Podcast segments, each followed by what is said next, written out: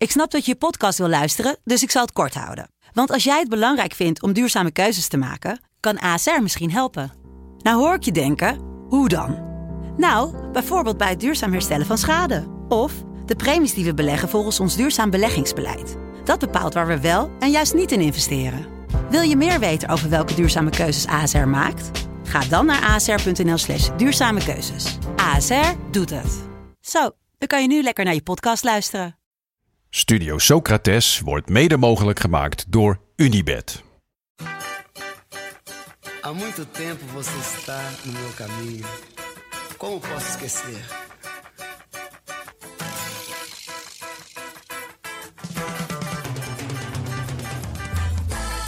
Welkom bij Studio Socrates, een podcast over alles wat voetbal mooi maakt.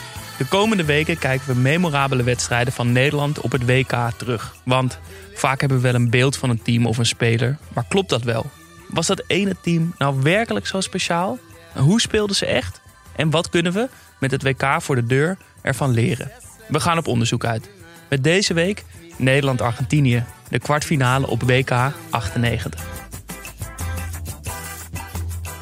Nederland. Gaat in de halve finale komen. Ik heb opeens zo'n gevoel dat we in de halve finale gaan komen. Met het balbezit voor Frank de Boer. Frank de Boer speelt de bal. Heel goed naar Dennis Bergkamp. Dennis Bergkamp. Dennis Bergkamp neemt de bal aan. Dennis Bergkamp. Dennis Bergkamp.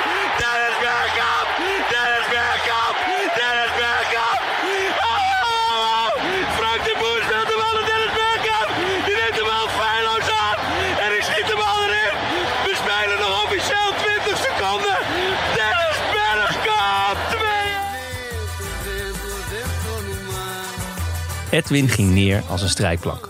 Al dus Guus Hiddink, daags na de wedstrijd in de kwartfinale tegen Argentinië van het WK 98. Een wedstrijd die we nooit zullen vergeten door die ene goal en het begeleidend commentaar. En eigenlijk is dat jammer, want deze wedstrijd was niet alleen die goal van Bergkamp, maar ook een schitterende 1-0 van Kluivert. Edgar Davids die uitverdedigt met een hakje, gewoon omdat het kan. En dus de schwalbe van Edwin van der Sar. De vergelijking met een strijkplank is treffend. En geldt misschien ook wel voor Van der Sar als technisch directeur. Maar deze actie was voor hem als keeper ongekend. Cool en collected was het ijskonijn. Wie had gedacht dat in dat lange lijf en die grote oren ook nog een enorme brok Zuid-Amerikaanse grinta verscholen zat? Nou, ik niet in ieder geval. Nee hè? Was dit een mooier moment van Edwin van der Sar dan die gestopte penalty met Menu Anelka? Ja, 100 procent. 100 procent. ik was wel onder de indruk. Ja, toch? Ja, Ja, ik, eh, Jasper die kwam net binnen. Ik zat nog even de laatste paar minuutjes te kijken. En dat was eigenlijk net het moment dat, dat, dat dit ging gebeuren. ja. En eh, om een beetje op vooruit te lopen, dit was ook het moment waar ik het meest naar uitkeek. En eh, ik zeg ja, en, en die Schwalbe van Van der Sar. En Jasper zegt Schwalbe. Was het een Schwalbe? Nou ja, kijk, eh, ik bedoel, hij, hij gaat er naar op zoek. Hij gaat hem uitlokken. Hij, hij gaat, het is duidelijk dat hij met dat idee op Ortega afgaat. Maar Ortega geeft, gaat wel met zijn hoofd. Tuurlijk. Geeft wel die kopstoot. Hij zet het aan. Het is, het is Maar buitengewoon dom, niet- maar hij raakt hem niet. Van der Sar geeft het ook toe na afloop. Ja, maar ik vind Hij het zegt, hier raakte hij me op mijn onderlip. Met een grijns. Ja, Ja, ook een kop kleiner. Komt er natuurlijk ook Ik wou net zeggen, helemaal niet bij. Sar moest echt bukken om uh, dat die haartjes een beetje zijn kin kietelde. Maar goed, we lopen op de zaken vooruit, Ja. Want dit Ja. komt eh, pas in de 90, in- wat is het, 87ste minuut. Eh, we hebben dus de hele wedstrijd teruggekeken. En dat doen we nu, eh, dat doen we al een aantal afleveringen nu. Want ja, compilatiefilmpjes blijken helemaal niet te kloppen. Ja, of eh, mythes en allerlei andere dingen van eh, eh, jaren geleden... die blijken gewoon al dan niet raak te zijn. En daar is deze wedstrijd ook weer een fantastisch voorbeeld van. We kijken deze wedstrijd omdat het WK eraan komt. En we richten ons daarom nu op WK-wedstrijden van het Nederlands elftal. En we, we bouwen eigenlijk door de tijd heen op naar het WK. Vorige week zijn we daarmee begonnen met onze reis door een wedstrijd uit 74 terug te kijken. Beviel ontzettend goed. Heel erg goed. Ja, ik vond het een heerlijke aflevering, boys. Ik Nou, heb genoten fijn. vanuit eh, de Dolomieten. Oh nee, de, de Vogezen. Ja, dat is ongeveer hetzelfde. Ah, mooie bergketens. Ja. Een berg is een berg. Een berg is een altijd berg. maar. Nee, zeker. Ja. Ehm, deze week eh, was het WK 98. Daar gaan we het straks over hebben. Ja. Volgende week wordt het ja, 2010. De We finale. gaan ons eraan wagen, zodat jullie daar nooit meer over eh, na hoeven te denken. En eh, eigenlijk WK 78 hebben we al dan niet bewust overgeslagen. Is dat misschien ook, nou ja, omdat het zo'n lelijk WK was? Ja. In een eh, lelijk land, althans op dat Met een moment. dictator. met een dictator. Ja, was Daar verzetten wij ons tegen. Ja. ja, mooi. Eh, en dan, nou, dan zijn we in 2010 aanbeland. Eh, daarna komt er nog een grote voorbeschouwingsshow voor dit wanstaltige WK wat eraan zit te komen. Voordat we ons helemaal daarop gaan richten. Eh, vandaag dus etappe 2 in onze tijdreis. Eh, voor de rest is de aflevering precies hetzelfde zoals jullie ervan gewend zijn. We bespreken de wedstrijd en aan het eind daarvan stellen we onszelf drie vragen. Maar voor deze special plakken we daar nog een vraagje aan vast. Eh, de eerste drie zijn wie of wat viel het meest op? Welk beeld moeten we bijstellen? En als je een ding zou mee mogen nemen naar het nu, wat zou dat dan zijn? En daar plakken we dus aan vast. Eh, eh, als je één speler zou mogen selecteren voor WK 2022, wie zou dat dan zijn? Ja, maar zoals eh, elke week eerst naar het ja, voetbal van het afgelopen weekend. Wat maakte voetbal mooi? Ehm, we hebben hier vaak een lans gebroken in de podcast voor mooie voetbalinterviews. Henk de Jong is een trainer die daar ontzettend goed in is. Helaas gestopt nu. Maar ik kwam in Engeland, eh, League 2, het derde, vierde niveau zelfs, kwam ik een interview tegen na de wedstrijd, wat echt schitterend was. En eh, daar gaan we nu even naar luisteren. Try and summarise how you're feeling. Uh, how do I feel? Uh, uh, woke, woke up this morning, uh, had three requests. Yeah? Us to win, Man City to win, yeah? and my missus to be in a sexy mood. Yeah? Right. So I've got two out of three so far. So I've got, I've got a, a two-hour drive home. Um, that I will be I will be grafting to make sure I get a hat trick. I don't really know what to say now. That's probably one of the best starts of interviews I've had. But uh, Denk je dat hij eh, de hattrick verzilverd heeft? Sowieso. Ja, 100 procent. Dit kan toch niet anders? Ja, echt Ja. heerlijk. Hij had dus zelf met zijn eigen ploeg gewonnen. Hij is fan van Man City, hadden dat weekend ook gewonnen. En zijn vrouw lag dus thuis op hem te wachten in een eh, voor hem hopelijk sexy eh Ja, op, lingerie op setje. een berenvel voor de open hart. Ja, en ik vond trouwens ook dat de interviewer, eh, die stond ook even met zijn mond vol tanden en dat benoemde die ook. Dat vond ik ook mooi. Echt een heerlijk interview. Meer van dit soort voetbalinterviews. Graag. Um, en dan nog iets, jongens. We hebben twee weken geleden hebben we het kort over de haringtruc gehad. Ja. Toen werden mijn broertjes eh, door jou, Jonne, nog even belachelijk gemaakt hè, als uh, hockeyers eh, zijnde. Ja, ja, terecht ook. Ja, Ja. lekker. De Nogmaals bij deze, is walgelijk. De oudste truc uit het boekje, toch? De bal langs de ene kant en zelf langs de andere kant. Ja, maar we kwamen er niet helemaal uit waarom die nou de haringtruc heette. Eh, onze luisteraars, twee stuks, hebben eh, een antwoord ingezonden. Eentje kon ik even niet terugvinden. Die ander was Hans Hoppenbrouwer. Op Instagram stuurde hij ons een berichtje. Het schijnt zo te zijn dat als je de haringtruc van boven bekijkt... en eh, je volgt de ballijn en de lijn van de speler... dat je dan eigenlijk op het veld een haring tekent. En we kregen er zelfs een illustratie We kregen er een illustratie bij. Ik, zit, ik, zit- ja, ik heb het een beetje ja, zitten visualiseren. Ah, volgens mij wordt het wel echt een hele kromme haring. Maar dit schijnt het antwoord te zijn. Ja. Geloven jullie het? Of? Nee, want Ik wil het wel de, gewoon. de haringtruc is echt al veel ouder dan dat er, dan dat er illustraties zijn van bovenaf. Eh, Dan de vis gewoon. ja, nou ja, Nee.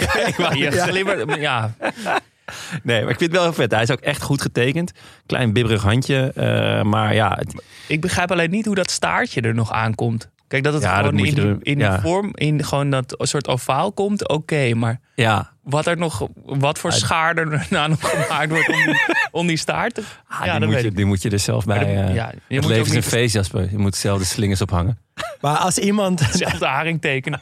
ja, je moet zelf de haring tekenen. Eh, als iemand nog een betere verklaring heeft... Ik vind hem wel vet. Of Ja. een betere bedachte. Hij hoeft Ja, niet zwaar te zijn. nee, je mag ook gewoon, laat je fantasie de vrije loop. Overtuig ons. Zoek de haring in jezelf. Ehm, maar dank daarvoor. Fijn dat we dat, we dat nog even toegestuurd kregen. Ja. Ik wilde er daarbij ook nog eh, vastplakken dat ik het eh, mooi vond dat Suarez zijn oude geliefde in Uruguay landskampioen heeft gemaakt. Ja, heel vet. Dat soort verhalen, zeker nu, Ja. Van mensen die niet voor het geld of het roem kiezen, maar voor een jeugdliefde en Ja. trouw blijven. En het dan ook nog eens goed doen. Dat is altijd goed om nog even te benoemen. Ja, waarom gaat hij weg? Ja, dat las ik ook vandaag. Dat, hij, eh, Ja, dat hij nu zijn missie volbracht heeft en weer een andere uitdaging wil of zo. ja. Misschien stopt hij wel, hè? want hij gaat wel naar het WK volgens mij met Uruguay. Denken jullie Misschien dan is niet dat toch zijn laatste gelijk even van... Ajax? Oh, ja, ja, Ajax. Denk ik altijd wel. Ik ben dat station met Suarez denk ik wel gepasseerd. Ik denk dat dat Ja. wel frustrerend gaat worden. Ja. Ik heb het nog steeds. Ik, eigenlijk al die jongens die ik ook vandaag weer heb zien spelen, denk ik, nou, nou nog een jaartje Ajax. Ronald de Boer, nog een jaartje Ajax. We gaan naar de wedstrijd.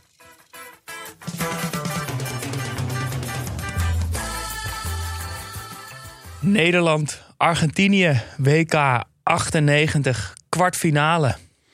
Ja, waarom eh, deze pot? Het is, denk ik, ik zat erover na te denken.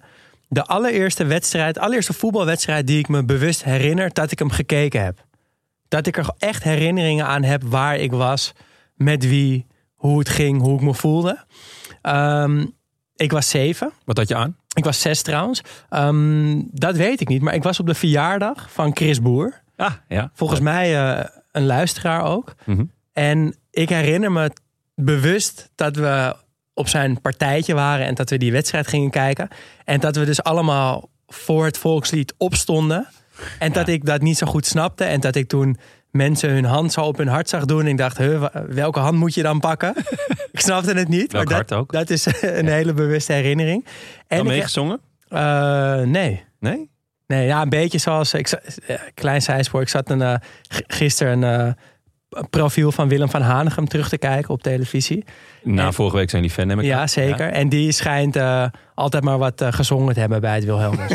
dus ik denk, dat, ik denk dat ik dat ook een beetje deed. Oh, wat goed. Ehm, en ik herinner me dus ook die goal van Bergkamp nog. Hij woonde in, eh, in Buitenveldert en het was een hele zonnige dag, ook in Nederland.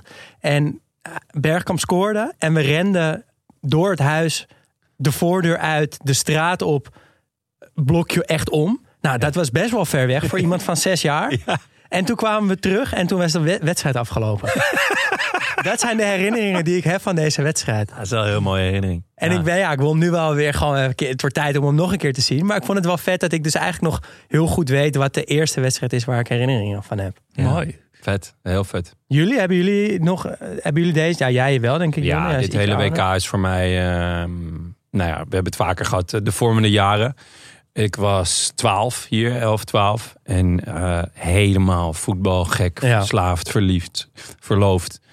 Ehm, dus, en dit WK in Frankrijk met een Nederlands elftal dat waanzinnig goed was. Echt zo'n vette ploeg.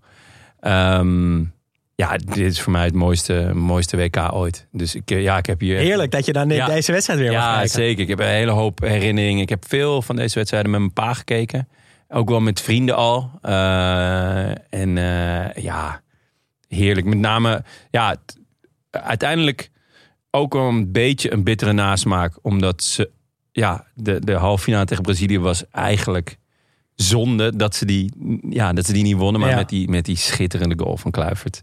Eh, waar we vandaag een soort van Chekhov's gun op hebben. eh, met, die, met die kopbal.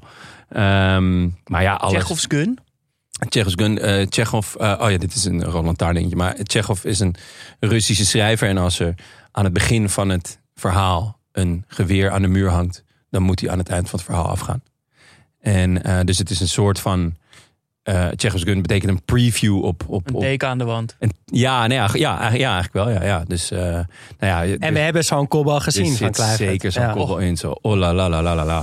Waar hadden jullie dan het meeste zin in om, om te zien? Ja, jij hebt het al een beetje verklapt, Jonne. Ja, de Schwalbe van, van Etje Kadetje.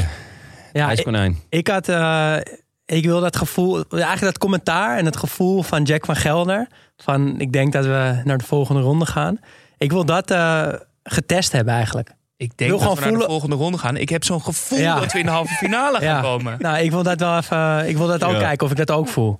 En jij, Jas? Had jij, heb jij eh, herinneringen? Of was je nog... Nou, ik heb wel, ja, nee, ik heb herinner, ik, ik herinner me, eh, ik weet nog wel waar ik was. En ik weet ook dat ik het te spannend vond. Ik was negen. Eh, dat ik heel veel aan het voetballen was. Ook nog gewoon voor, om, eh, om de spanning. Ja, ja, ja, eh, dat ik gewoon de, de hele tijd gewoon was. Goed. Dus ik, volgens mij heb ik die goal niet live gezien. Omdat ik gewoon te spannend vond. Herkenbaar, dat heb ik ook. Dat ik af en toe even naar buiten moest. ja. Even, nou ja, wat jij ook zegt met het rondje rennen. Dat je even naar buiten moest. Omdat je gewoon niet wist wat je aan moest met jezelf. En ik had heel veel zin, vooral om die wedstrijd te kijken, om die goal meer van, van Bergkamp meer lading te geven. Dat, het, dat je dat omlijst eigenlijk met, met die context. Want ja, het is eigenlijk bij heel veel dingen die we nu in die wedstrijden terugkijken, eh, zien, die iconische momenten. Het is alsof je een, een wereldberoemde filmscène ziet, of die je kent, maar de film nog nooit hebt gezien. En dan Nee. zie je opeens die film en dan komt die scène opeens en dan zegt die acteur echt opeens. I'll be back of wat dan ook. Say Eh, hello to my little friend. Precies, van oh, het is gewoon echt uit een film. En daardoor, daardoor krijgt die, die scène of zo'n doelpunt of zo'n iconisch moment gewoon opeens zoveel lading. Ja. Eh, dat hoopte ik ook met deze goal te krijgen van ja, is heel mooi, maar ja, hoe mooi is het Ja. echt uit? Ja. Ja, ja. Wat, eh, hoe omlijst je het? En dat, daar had ik heel veel zin in. Mooi, ben benieuwd. Ehm, wat ging er eh, aan vooraf? Eh, eigenlijk voorafgaan aan het WK heel weinig. Er waren geen relletjes. De pers en alle fans waren dan ook heel positief en verbaasd en optimistisch. Eh, dat duurde gelukkig niet lang, want in de eerste wedstrijd was daar al een relletje. Kluivert eh, krijgt namelijk tegen België een rode kaart naar, zodat, zoals Hiddink zei, een elleboogduw. wat gewoon een keiharde bodycheck met elleboog was. Net als dat Dennis Grace, eh, die Jumbo-medewerker, in zijn gezicht heeft geduwd, toch? Ja. met je vuist iemand Ja. duwen. Ehm, Het werd 0-0. Dus de stemming sloeg meteen weer de hele andere kant op. We zijn niet goed genoeg, eh, bla bla bla bla bla. Ehm, dat betekende ook dat Kluivert geschorst was... en de net niet helemaal fitte, maar wel meegereisde Bergkamp... moest starten tegen Zuid-Korea. Dat was dan weer, ging dan weer helemaal goed. Het werd een gala-voorstelling, 5-0. De stemming sloeg de hele andere kant op. Uh, maar die sloeg weer de andere kant op in de derde poolwedstrijd. Want het werd 2-2 tegen Mexico. Uh, waren we dan wel goed genoeg? We gingen in ieder geval door naar de knock-out fase. Uh, dat werd Joegoslavië. Davids in de 92e minuut de 2-1. Uh, zijn eerste oranje goal. Dat betekent dat Argentinië in de kwartfinales wachtte. Argentinië had de eerste drie groepsduels gewonnen. Wel tegen mindere goden als Jamaica, Japan en Kroatië. In de achtste finales wonnen ze met penalties van de grote rivaal Engeland, want de Falklandoorlog was nog vers in het geheugen. En de manier waarop ze van Engeland wonnen was bijna identiek aan hoe de wedstrijd tegen Nederland eigenlijk ook gewonnen zou gaan worden. Ze waren sluw, ze counterden. Simeone smeerde de tegenstander een rode kaart aan en zorgde daarmee dat Beckham zowel een persoonlijk als Engeland een nationaal trauma kreeg. Uh, zoals het eigenlijk ook in die wedstrijd tegen Nederland zou moeten gaan. Ja, en dat deed uh, Argentinië in de volgende opstelling. Op goal Roa. In de verdediging Zenzini, Ayala en Chamot. Op het middenveld Simeone. Op, ja, een beetje, toch een beetje voor de verdediging, maar iets verder vooruitgeschoven. Almeida naast hem, Sanetti en Ferron om het te complementeren. Uh, Ortega op 10, Lopez en Batistuta in de spits. Heel lekker spitsenduo. Ja. Uh, Nederlandse elftal zet er tegenover Van de Sar. En dan van rechts naar links Reiziger, Stam, Frank de Boer en Numan. Uh, op het middenveld Ronald de Boer, Wim Jonk, Edgar Davids en Philip Cocu. En in de spits Bergkamp en Kluivert. Wat een team. Ja, en ik kijk uh, naar deze formatie. Ik zie een 4-4-2 en een kommetje. Ja. Wil ik het zo uh, even over gaan hebben? Ja. Gaan we het straks over. Ja. Uh, waar hebben we naar zitten kijken 90 minuten lang? Ja, dat hoeven we eigenlijk niet meer uit te leggen, want dat beeld is zo herkenbaar. Je kent dat beeld. Je kent dat zonnige open stadion in Marseille. Die schaduw van de tribunes die over de helft van het veld heen vallen. Het hemelsblauw en wit van Argentinië en het oranje van Nederland. En we hebben die goal, of ja, ja, wij allemaal in Nederland hebben die goal van Bergkamp zo vaak teruggezien dat ik eigenlijk de hele wedstrijd verbaasd was als er iets anders gebeurde. Waar blijft Want hij dat nou? beeld kennen we. Die ingrediënten zijn zo, zo herkenbaar. Is dit de goal die jullie het vaakst hebben gezien? Ik denk het wel. Dat is de goal is die ik het, die ik Dat het zou zomaar vaakst heb kunnen. Ja. gezien. Ja. Omdat hij altijd in elk... eh, elk compilatie, groot toernooi elk groot toernooi, terug. altijd komt hij weer. Maar goed, die, die randvoorwaarden, die ingrediënten, die kennen we. Maar welke details vielen er dan nog meer op die we vergeten zijn? Eh, bij Oranje, stam met haar. Heel kort haar weliswaar. zeggen, eh, maar het is haar. Ja, zeker. ja. Davids zonder bril. Maar wel met een enorme gouden ketting met hangertjes daaraan. Het leek wel een soort bedelarmband, maar dan gigantisch en goud. Eh Neeskens op de bank met een heerlijk blauw Nike-shirt aan. Assistent van Hiddink. Assistent van Hiddink die daarnaast zat met zo'n hele rare snor. Wel vol, maar kort geknit. Ja, Ja. het lijkt een beetje alsof, alsof hij los is van zijn gezicht. Ja, echt een Dus, plaksnor. dus, ja, ja. Gewoon, hij beweegt ook niet of zo. Zeg maar, de rest van zijn lichaam, gezicht beweegt wel, maar zijn snor blijft gewoon hetzelfde. Eh, bij Argentinië zien we de manen van eh Batistuta en Ortega. En het kraagje van Batistuta dat zonder enige scène heel trots omhoog staat. Voor de aftrap al. Eh. Ja. maar die gaat op een gegeven moment gaat hij naar beneden. Eh, we zien de boevenkop natuurlijk van Simeone. En wat ik ook een mooi detail vond, is dat Argentinië met zwarte kousen speelt. Met aan de buitenkant van die kousen drie Adidas-strepen en het eh, logo van de, van de bond. Alleen Chamot heeft ze links en rechts verwisseld. Dus die heeft aan de binnenkant van zijn kuiten dat logo staan en die strepen. De, waarop Heel- het lijkt dat hij de hele wedstrijd met een soort X-benen staat. Heel scherp, Jas. Heel scherp. Ehm, maar toch zijn vooral de keepers, vond ik, die opvallen. Roa van Argentinië, die heeft echt een look. Die lijkt wel twintig jaar daarvoor eh, mee te hebben gespeeld. Ongelooflijk. Eh, hij heeft een bloempotkapsel dat bijna over zijn ogen heen komt. Een ringbaardje. En een enorm keepershirt met van die padding op zijn, op zijn ellebogen. Maar dat, ja, die zijn ook gigantisch. En die slungelen een beetje eronder, bij zijn onderarmen heen en weer. Het deed me echt een beetje denken aan gewoon het jongetje dat nooit mee mag doen met voetbal. Omdat hij al scare kleren heeft. En daarom maar, hij mag alleen meedoen als hij op goal gaat. En nou ja, ik denk dat je zo überhaupt keeper wordt. Maar ik denk dat deze gast ook gewoon zijn kleren van toen heeft meegenomen. En hier op goal is gaan staan ermee. Ik vond het juist eigenlijk meer het jongetje dat niet kon voetballen, maar het compenseerde met hele dure voetbalschoenen en, en echte keepershandschoenen. en zo. Ja, Ehm, maar, en hij had ook nog zijn broekje helemaal tot over zijn navel heen getrokken. Het was echt een heerlijke look. echt wonderbaarlijk uit. Aan de andere kant van de SAR, die dus in een van de heetste wed- eh, wedstrijden van het Nederlands elftal ooit volg- volgens mij in een, in een stadion zonder wind ehm, in de bloedhitte aantreedt in denk ik het dikste, warmste keepershirt ooit gemaakt. Het is, Maar- lijkt wel van een soort Wel. Maar hij is het ijskonijn. Dus het maakt... zwart, Ja. lange mouwen, glimmend zwart shirt. Echt swag, toch? Meer dan je zou denken. Ik vond het echt. Ik, de, er stond wel wat. Ik vond. eh, nou, we hebben twee weken geleden natuurlijk eh, PSV gedaan. En dat Menso in dat, in dat rare schildpadden-shirt. Dat, dat was. Vond ik ook heel vet, maar meer op een kolderieke wijze. En dit hier zag je wel van. Oké, Edwin.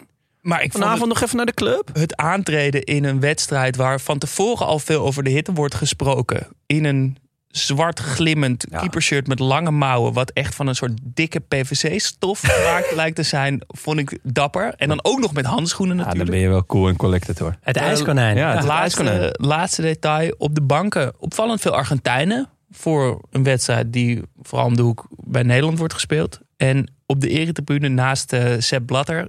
Erika Terpstra in haar volle glorie met een enorme oranje jas keihard aan het juichen.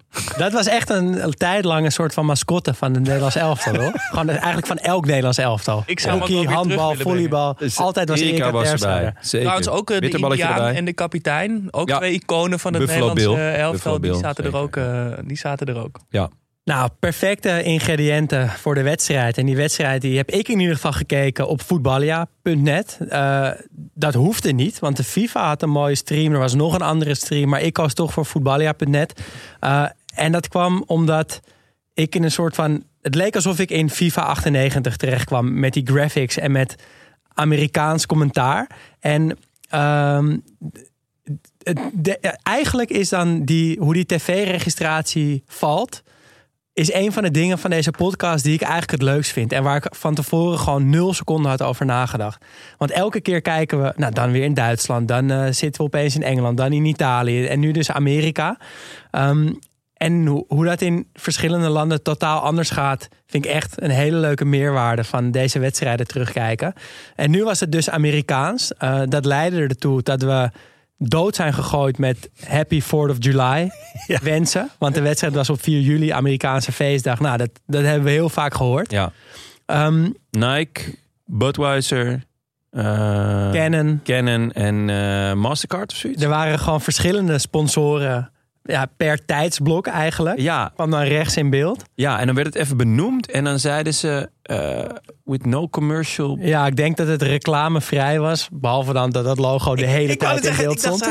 with, with, no commercial break of zo. Maar dat zijn ze met American voetbal natuurlijk gewend. Dat er om de haverklap een pauze is waar ze een reclame Ja. tussendoor kunnen Ja, dat zou dat het zijn. Want het was, het was zo raar. Dan zag je inderdaad boven het logootje veranderen. En dan was het een ander, ander merk.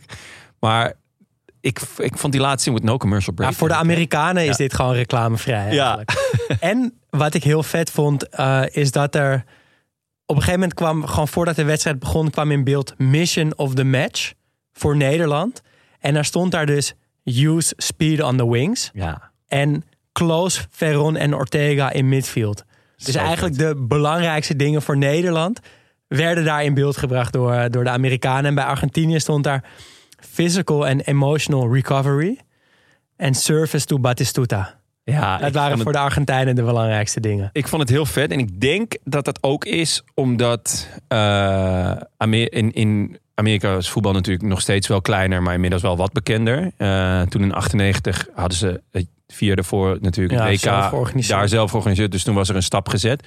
Maar het was en is nog steeds wel een klein voetballand. Ik denk dat ze daar echt nog wel meer over nadenken. Eh, hoe nemen we de kijker bij de hand? Ja, totaal. Ze moeten gewoon alles uitleggen. Ja, dus- Eigenlijk heel irritant. Maar ik vond het voor één keer vond ik het dus Ja, wel echt leuk om klopt, ja. mee- meegenomen te worden in, in hun Amerikaanse voetbalhoofd. ja, vond ik ook. Eh, en ze hadden een hele goede camera vlak voor de wedstrijd die langs alle wisselspelers ging. Dus echt op een meter afstand leek het tenminste. Eh, zag je de camera langs Ed de Groei, Bogarde, Seedorf, Overmars van Hooydonk, Zende, André Ooyer, Ruud Hesp en Hasselwein gaan. En bij de Argentijnen zag je, deed het zelf en zag je opeens een jonge Hernan Crespo die Vamos Argentina riep. Ook heel mooi. Ik vond het vooral ook een mooi detail hoe, die, hoe Nederlands elftal zaten in witte V-hals. Nike Ja. t-shirts op Swag. de bank. Echt zo. Heel veel swag, echt mooi was het. Heel mooi. Ed de Groei kwam als eerste in beeld en die zat zijn noppen te inspecteren. Dat vond ik ook al een wonderlijk, wonderlijk iets. En het deed me heel erg denken aan wat jij volgens mij vorige week zei. eh, Dat je die benaderbaarheid van voetballers zo mist. En ik vond dit een mooi voorbeeld van hoe het dus toen ook nog redelijk benaderbaar was. Dat Hernan Crespo in de camera Vamos Argentina roept. Ik eh, ben ook begonnen met die Voetballia-stream. Maar ik kon, het, ik kon het echt niet aan. Ik werd na vijf minuten helemaal, helemaal horendol van dat Amerikaanse commentaar. Ik raak dat gevoel niet kwijt dat ook die commentatoren er echt helemaal niks van begrijpen. Eh, dus uiteindelijk heb ik op YouTube een of ander obscuur kanaal gevonden. waar dezelfde, dezelfde beelden te zien waren, maar met Engels commentaar. Die hadden het wel vervolgens de hele tijd over dat eh, Engeland was uitgeschakeld door, door Argentinië. Eh, maar ze waren vooral ook vol bewondering voor Nederland. Dat Nederland wel alle dingen goed doet die Engeland vergat. En was, was de beeldkwaliteit daar beter? Want dat, ik vond, eh, je had het over op de FIFA-site, maar die kon ik niet vinden. Eh, Daar was de beeldkwaliteit erg goed. ja, Ik, oh, want ik, dat vond ik het enige nadeel bij voetbal. Ja, want ik, ik heb ook wel genoten van het Amerikaanse. Ja, het is voor een keertje het is gewoon wel lachen. En ze zijn wel leuk met bepaalde statistieken en zo Ja. die ze erin gooien van, van, een, van een wedstrijd. Dat was toen echt eh, heel vooruitstrevend. Ja, Nu volgens gebeurt- mij ook ja. Nu gebeurt het wel, maar vaak denk ik ook van ja, welke statistieken eh, Pak je dan? nou- ja, en welke doen er toe en welke niet. Ik vond dat ze hier best wel een paar leuke deden. Ehm, alleen bij de white shot eh, vond ik het echt wel moeilijk om te zien wie wie Ja. was. Eh, en dan als er werd ingezoomd, dan was de beeldkwaliteit wel echt lekker. En gewoon weer zoals ik me herinnerde. Ja, dat was op YouTube beter. Ehm, kon je het beter zien, was scherper. Ja. Ehm, ik heb daarna ook nog op YouTube een lange samenvatting van bijna een kwartier gekeken met Nederlands commentaar. Oh, En dat hielp nog meer om, om daarna ook nog even helemaal in dat gevoel te komen. Van, Evert of Jack? Eh, nee, eh, geen van beide. Ik weet even niet wie het was. Eddie maar dat, het, het, eh, dat, zou kunnen, maar dat, het commentaar was niet het commentaar van Jack. Want dat nee, is nee, dat is mij voor de radio. voor de radio. Ja. Maar dat commentaar was wel ook heel erg lekker. En het gaf toch even wat. Ik was blij dat ik eerst die hele wedstrijd Ja. zonder Nederlands commentaar. Dan kan je meer je eigen beeld vormen. En daarna even de lange samenvatting met. En dan kom je er nog even helemaal in. Dan eh, begint eh, de wedstrijd en die begint redelijk voorzichtig. Eh, het is een beetje aftasten, een beetje zoeken, kijken wat Argentinië doet voor het Nederlandse elftal. Maar na 10 minuten opeens een mega kans voor Wim Jonk. Eerst wordt schot van Kluivert uit het draai. Ja, een soort van gemist. Cocu nog. En dan komt hij voor de voeten van Jonk. En die schiet hem van randje 16 echt loeihard op de paal. Wim Jonk verder eigenlijk vrij onopvallend de hele wedstrijd, vind ik. Tot het moment eh, dat Bergkamp scoort en die wat moois doet met het juichen. Hebben we het straks echt nog wel over. Oh la la. Ehm, Ja. Maar voor mij was Jonk verder eh, onopvallend. Ik vond hem in positieve zin wel opvallen hoor. Ik vond dat hij, want hij wordt erin gewisseld voor Seedorf eigenlijk. Eh, ik vond dat hij dat eigenlijk best goed oppakte. Alleen zijn er een aantal momenten zoals dit, waar hij misschien onsterfelijk had kunnen worden. Maar dan gaan we het ook wel hebben over die momentjes van hoe wordt het iconisch of wordt het vergetelheid? Ja. En hij stond toch vaak, denk ik, en misschien wel in zijn hele carrière net aan de vergeten kant. Eh, maar ik vond hem niet, eh, ja, niet heel erg opvallend, maar ik vond hem wel. Ja, je verwacht er misschien ook minder van. Ja. Valt iemand daar Ah, en bovendien staat hij naast, naast Edgar Davids, die misschien wel een perfecte wedstrijd speelt. Zo goed. Ja. Dus ja, dan, dan valt het. Misschien als je naast iemand staat die zo goed speelt op dat moment, dat je dan ook bij jezelf denkt van oké, sober Blijf in dienst van. in dienst van en eh, eh, laat, eh, laat Davids maar eh, floreren. En dat is ook een kwaliteit. Ja. Eh, daarna, eh, vrij snel daarna, meteen Stam een gele kaart. Voelde nog ook een beetje onbeholpen, Stam. Alsof hij zijn eigen kracht nog niet helemaal kende of het niet kon doseren. Ah, ik Het vond hem zeker in het begin best wel kwetsbaar. Ja. Eh, hij werd ook later nog een keer uitgespeeld. Dat hij best wel gevaarlijke sliding maakt in de 16. Ja, een paar keer dat ik dacht, poeh, eh, hè, wat, wat gek. Zo ken ik Stam helemaal niet. Ehm, zeker ook als ik aan dat toernooi terugdenk, denk ik echt aan Frank de Boer en, en Jaap Stam. Hoe complementair zij waren. En, en eigenlijk hoe belachelijk goed ze waren samen. Ehm, alleen ja, Stam werd best een paar keer gepiepeld. En, en nou ja, ze gaan een aantal keer voor een buitenspelval. Nou, ik denk dat we wel kunnen stellen dat hij ook een aantal keer goed mislukt. Ja, en, eh, maar ik vond het inderdaad een onzekere stam. Ja. Wordt in, vlak voor dit toernooi wordt duidelijk dat hij naar United verkast vanaf, P- vanuit PSV. Eh, dus is wel op zich al Ja, een hij grote is speler. onderweg om, eh, om de beste te maar Ik denk je dat hij- ziet gewoon nog dat hij, dat hij alles in zich heeft, maar nog niet helemaal weet hoe hij dat moet. Nou, hij moest dat, eh, dat laatste beetje haar gewoon nog verliezen. Volgens mij. Zou dat het zijn? Ja, Ja. toen dat eraf Ja. viel, toen was hij opeens de, hij- de wereldverdediger. Daarmee ook zijn streken verliest. Ja, want ik vond hem inderdaad ook nog eh, wel redelijk kwetsbaar. En in de tweede helft komt hij trouwens echt nog een keer heel goed weg... als hij eh, een tweede gele kaart moet krijgen. eh, waar de scheids hem spaart. En ook nog bij de Schwalbe van Ortega Ja, heeft hij ook mazzel dat, hij, dat de scheids het goed ziet. Ja. Eh, maar dan, de twaalfde minuut. 1-0 en echt, ja, af, ik, al zeg ik het zelf. Nou, nee, ik zeg het niet zelf, want ik heb er natuurlijk helemaal niks mee te maken. maar ik vond het echt een waanzinnig mooie goal. Ik ook. Ronald de Boer glipt op het middenveld met echt een soort shimmy. Met twee schouderschijnbewegingjes heen en weer tussen twee man door. Maar dit is de Ronald de Boer. Die, Ronald ja, de Boer is hangen naar links, hangen, hangen, hangen. Totdat de verdediger een, een beweging maakt en dan altijd rechts eroverheen. Dit is de... maar gaat er nu classic Ronald de soort Boer. Ja, klopt, maar drie dubbele shimmies. Ja, maar Links eigenlijk links doet hij gewoon de Ronald de Boer. Maar zit er ook nog iemand soort van half achter hem... die ook in de Ronald de Boer trapt. Wat opvallend is, want je zou zeggen... dat iedereen de Ronald de Boer wel kent... als je tegen Ronald de Boer speelt. Het is net Rob, hè? Je weet wat hij Ja, gaat je doen. weet wat hij gaat doen. Ah, het is echt heerlijk. Maar opeens is daardoor ruimte. Want eh, hij gaat die twee man voorbij. Er, eh, er, eh, er ligt ruimte voor de verdediging. En hij geeft een harde, half hoge bal op Bergkamp. Die op de 16 staat. Hele moeilijk te controleren eh, bal. Maar die, ja, hij komt recht op Bergkamp af. Die kan er eigenlijk niks mee. Maar met een heel subtiele kopbal. Waarmee hij al die snelheid uit die bal haalt. Kopt hij hem rechts breed op Kluivert die in komt lopen en heel mooi voor de, nog net voor de keeper die bal er langs wipt. Prachtig. ja en dan iconisch eh, naar de cornervlag rent. Op de cornervlag leunt en zo juicht.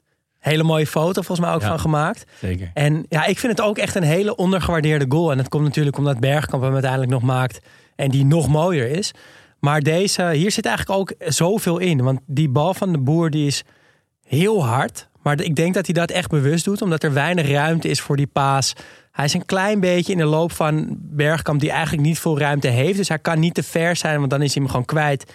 Iets achter Bergkamp is ook niet goed. Dus hij moet hard precies in de loop van Bergkamp. Dat hij zo half hoog is, hoeft volgens mij niet. Dus misschien dat dat onbewust gaat. Maar dat zorgt er dan wel weer voor dat Bergkamp ja, eigenlijk iets kan doen wat helemaal niet kan. Namelijk dat je al, inderdaad al die snelheid met je kop uit die bal haalt. En hem zo klaarlegt voor Kluivert, die dat denk ik zelf nooit gezien heeft. En opeens een bal daar ziet vallen en weet: oké, ik moet daar nu heen. Hij stuurt Bergkamp eigenlijk, hij stuurt Kluivert eigenlijk met die paas. Uh, en Kluivert, die, uh, ja, die werkt hem af met zo'n mooi hupje er nog ja, in. echt Oh, technisch ook mooi. weer prachtig. Ja, ik, ik vind het heel vet. Nou, je hebt het over die bal van Ronald de Boer. Hoe mo- moeilijk die is, uh, maar dat het wel bewust is. Ja, Dat zie je vaker in deze wedstrijd. Ja, dat ze elkaar Ja, heel, moeilijk, eh, heel moeilijke ballen aanspelen. Maar volgens mij is dat omdat ze weten van elkaar hoe goed ze hoe zijn. goed ze zijn. Dus ze weten van oké, ik geef jou nu een moeilijk te bespeelbare bal, maar eh, het is wel een goede bal, want eh, je, je kan er wat mee. Dus dit soort dingen kunnen dan gebeuren. Ja. En dat vind ik echt heel vet. En de boer valt me sowieso heel erg op. Uh, ja, jij, jij legt het eigenlijk net al uit, Jonne. Maar wat ik zo vet aan hem vind, is dat het is een voetballer met een handtekening. Gewoon, hij heeft iets wat echt van hem is. Ja. Namelijk dat naar links leunen en dan met een lopje Ja. rechts buiten omgaan. Een hele goede passing dus ook. En ik ken in het hedendaagse voetbal eigenlijk geen spelers die op hem lijken. En dat vind ik ook altijd een, uh, Ja, hij was ook. voor, eh, voor een voetballer pleiten. Een tijdje geleden natuurlijk over Ajax gehad. eh, dat we Real terugkijken. Hij was daar op het middenveld eigenlijk ook de, de spelbepaler. Ja. Wat vanuit een rechtshalf positie. En soms speelde hij vanuit de spits. Best opvallend is. Want eigenlijk, zeker in het hedendaags voetbal, speelt de, de spelbepaler speelt altijd op zes. Ja, achter de bal. Ja, en eventueel hè, eh, nou ja, naast de zes. Dus met een dubbele zes of iets dieper op de tien. Maar hij was echt vanuit, vanuit de zespositie... was hij degene die, die het voetbal bepaalde... en die ook het tempo van de wedstrijd bepaalde. En ik vond dat je dat deze wedstrijd ook echt ontzettend eh, goed zag. Het grappige is dat eh, op links... eigenlijk nu op links, half links buiten staat een Cocu. Eigenlijk een beetje hetzelfde type...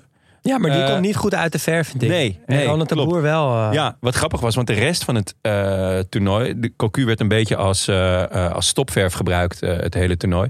Eh, volgens mij he- stond hij in het begin van het toernooi stond hij linksback. En later stond hij ook nog een keer, eh, toen Kluivert geblesseerd of eh, geschorst was, kwam hij in de spits terecht. En daar doet hij altijd gewoon zijn, Ja. zijn, zijn hij speelt altijd hier, zes in ieder hier geval. vervangt hij de geblesseerde Overmars. Ja, ja dus eh, wat, wat dan ook wel weer eh, typisch is. En hij doet het dan gewoon op zijn cocu's. Ehm, maar ja, het niveau van Ronald Boer deze wedstrijd was echt waanzinnig. Vond ik in ieder geval. Ik vond het ook heel raar dat hij werd gewisseld. Maar dat, Ja, ik vond hem ook echt heel erg goed. Uh, maar dan komt in de zeventiende minuut toch de 1-1. Het gaat al een aantal keer net goed voor Nederland achterin. Steeds net een voetje ertussen. Kunnen ze de ruimte net nog dichtlopen. Maar in de zeventiende minuut steekt Veron met een perfect getimede paas Lopez weg. Het lijkt eigenlijk aan alle kanten buitenspel. Want Lopez staat opeens in een zee van ruimte. Kan alleen op Van der Sar af. Schiet hem uiteindelijk door de benen raak. Uh, maar in de herhaling blijkt dat Reiziger te laat stapt en dat het dus geen buitenspel is. Ja, Claudio Lopez, uh, leuke spits. Volgens Ja. mij is de zinsnede als een duveltje uit een doosje echt voor hem bedacht. Uh, komt ook in het begin veel meer in het spel voor dan Batistuta. Uh, en hij profiteert hier dus van een mislukte buitenspelval. En dat gebeurt veel. En ik zie het heel erg, het komt door vorige week, als een uitvloeisel van het totaalvoetbal van 74. Dat dit iets is wat, wat Nederlands elftal erin heeft gehouden na 74. Um, maar het werkte eigenlijk helemaal niet zo goed. Ze werden er heel kwetsbaar door. Nou, er valt een tegengoal uit. En ja, nu moet ik toch iets zeggen wat ik echt niet had verwacht. Ik vond het voetbal sowieso niet goed van Nederland. Ik vond het systeem heel ja. raar. Vond je, ja. Nee? Nee. Ik vind, ik, het, het klopt voor mij echt voor geen meter. Met, met uh, nou, die twee, Kluivert en, uh, en Bergkamp, die best wel diep wegblijven. En dan die buitenste middenvelders die op dezelfde lijn als de back staan altijd. Van- De boer komt dan wel af en toe een beetje naar binnen. En dan die twee verdedigende middenvelders voor de verdediging. Waardoor je eigenlijk in het, ja, in het belangrijkste gedeelte van het veld... wat je nu de half spaces zou noemen... de hele tijd niemand hebt staan. Zeg maar de plekken waar je gevaarlijk... vanaf waar je gevaarlijk wordt in het voetbal... eh, worden helemaal niet benut door Nederland. En daardoor is de opbouw best wel stroperig. eh, en is het eigenlijk, vind ik, niet leuk om naar te kijken. En dat eh, had ik echt niet verwacht. Want in mijn herinnering was dit Nederlands elftal geweldig. En ik vind de spelers individueel nog steeds geweldig. Daar druipt er echt vanaf. Maar hoe ze als team opereren. Oh, dat Heb is ik, wel eh, ik, ik heb dat echt helemaal niet. Nee? Ik heb echt, nee, ik heb echt genoten. Ook niet als je terugkijkt. Nee, ik vond, ik vond het, het, is, het is misschien minder tactisch. Eh, maar het is anders tactisch. Ik vind dus het is veel meer een beetje zo klassiek met we spelen een spits aan en dan komen we eronder en dan kaatsen. Maar door wat jij zegt, inderdaad, door dat systeem, er ligt veel ruimte daar. En dat is op zich ruimte waar Bergkamp dan in kan komen. Of eh, Davids komt er af en toe. Of eh, Jonk uit de tweede lijn. En uiteindelijk creëren ze ook gewoon veel. Ehm, het is natuurlijk nog voor de revolutie dat, eh, eh, dat er geen voorzetten meer worden gegeven. Dus er worden best veel voorzetten. Maar die zijn eigenlijk ook best goed. Ik heb echt genoten van Arthur Newman. Wat ik echt totaal niet had verwacht. In mijn hoofd was hij de zwakke schakel in dit eh, team. Pakt ook nog een rode kaart. En eh, een beetje een, een, een houterige bek. Maar dat was echt... Dat is gewoon hij een- niet. Dat Nee. is gewoon een Nee, heerlijke speelt speler. En met goede echt wedstrijd. fantastische voorzet. En nee, ik vond het, ik vond het misschien niet super tactisch. Eh, be- veel minder tactisch bijvoorbeeld dan, dan wedstrijden nu.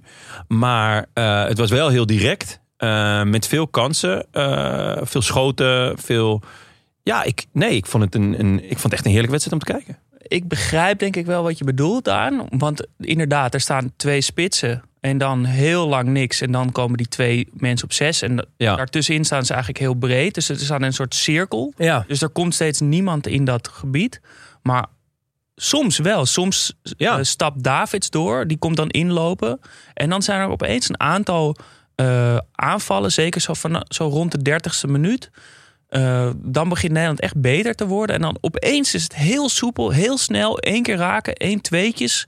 Komen ze het middenveld in. Soms Ronald de Boer, soms Jong, maar, maar meestal Davids. En dan is het opeens soepel en mooi. En dan, dan klikt het echt. Ja, Eh, dan ziet het er waanzinnig uit. Maar, maar het is inderdaad, puur hoe het op papier staat, is het vaak stroperig. Ehm, maar ja, het is bijvoorbeeld ook één zo'n heerlijke aanval, rush van Davids in de 35e minuut.